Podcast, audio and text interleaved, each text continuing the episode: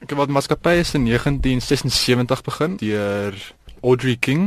Sy het die maatskappy gevind as 'n manier vir jong balletdansers, selfs nie eens balletdansers nie, dansers oor die algemeen om opportunity kry om te kan perform sodat dit mense kan heel maak. The Johannesburg Youth Ballet was formed in 1976. She responded to an invitation to take a group of young dancers to the International Festival of Youth Orchestras in Aberdeen, Scotland in 1977. She auditioned pupils and she got 52 young members to go over to Aberdeen in 1977. And it was the first integrated non-racial company to represent South Africa internationally. Wat is die doel van? Ek sou sê die doel is om vir jong mense die kans te gee om te kan optree op op 'n internasionale standaard. Hoekom is dit vir jou so belangrik om hiervan deel te wees? Kyk, ek is nou van jongs af wat ek 'n danser wou gewees het. Maar die Johannesburg Jeugballet het my definitief meer opportuniteite gegee om, om my dans te kan verbeter en na dit op 'n professionele standaard te gaan dans. Watter soort studente sal jy in die geselskap kry? So jy sal 'n wye verskeidenheid van studente kry daar is mense van oral in Johannesburg wat deelneem aan die Johannesburg Jeugballet. En ek dink dit is 'n geleentheid vir enige iemand. Dit bied my die geleentheid dat ek op die stad Johannesburg se teater se verhoog dans. Dit was nog altyd my droom om op daardie verhoog te dans en hierdie jaar verwesenlik ek my droom. Hoekom is ballet nie die enigste dansvorm wat vir die geselskap geleer word nie? Ballet is a very exacting art form and for some of our younger members to actually get the technique right to perform you know large scale ballets it's actually quite a challenge and the idea is too that dance in all its forms are celebrated although obviously in the title it's Johannesburg Youth Ballet we actually cover all styles. So it's contemporary. In the past, they've even done Spanish, ballet, neoclassical ballet. I think it also just speaks to the diversity of opportunities that we can actually offer young people in the city of Johannesburg within the realm of performing arts and performing um, dance. Hoe word die 40ste herdenking van hierdie maatskappy vanjaar gevier?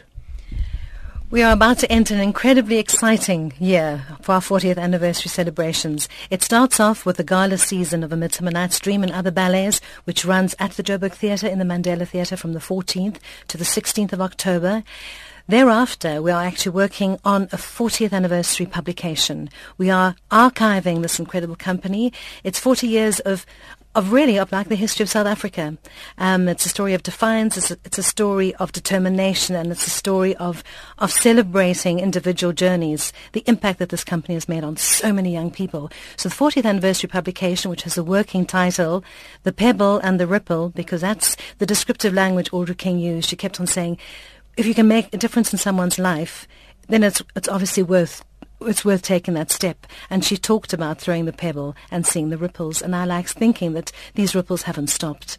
And that's the one thing. And we're also trying to raise funding to make a documentary on 40 years of the Johannesburg Youth Ballet. We're hoping to get funding to take the young company on tour early next year. But to answer your question, it's a year's worth of celebration. It's a year's worth of trying to harvest and harness astounding stories and that have come through the Youth Ballet. Wat is 'n paar van die Johannesburg Jeugballet se prestasies?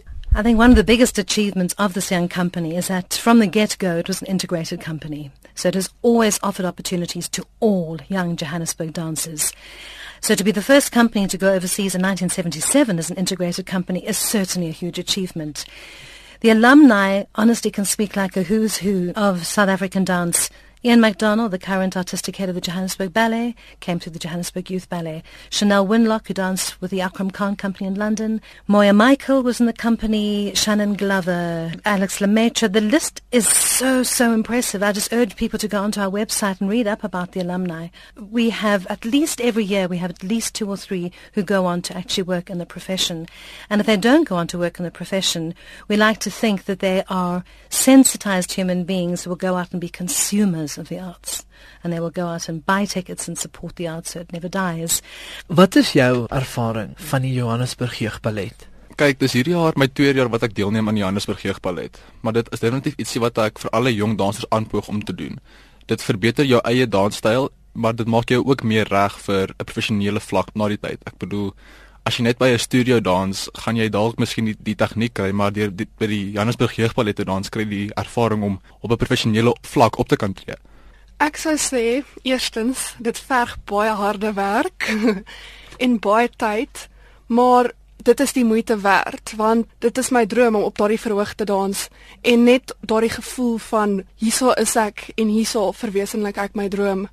Dit is net 'n baie groot geleentheid vir my.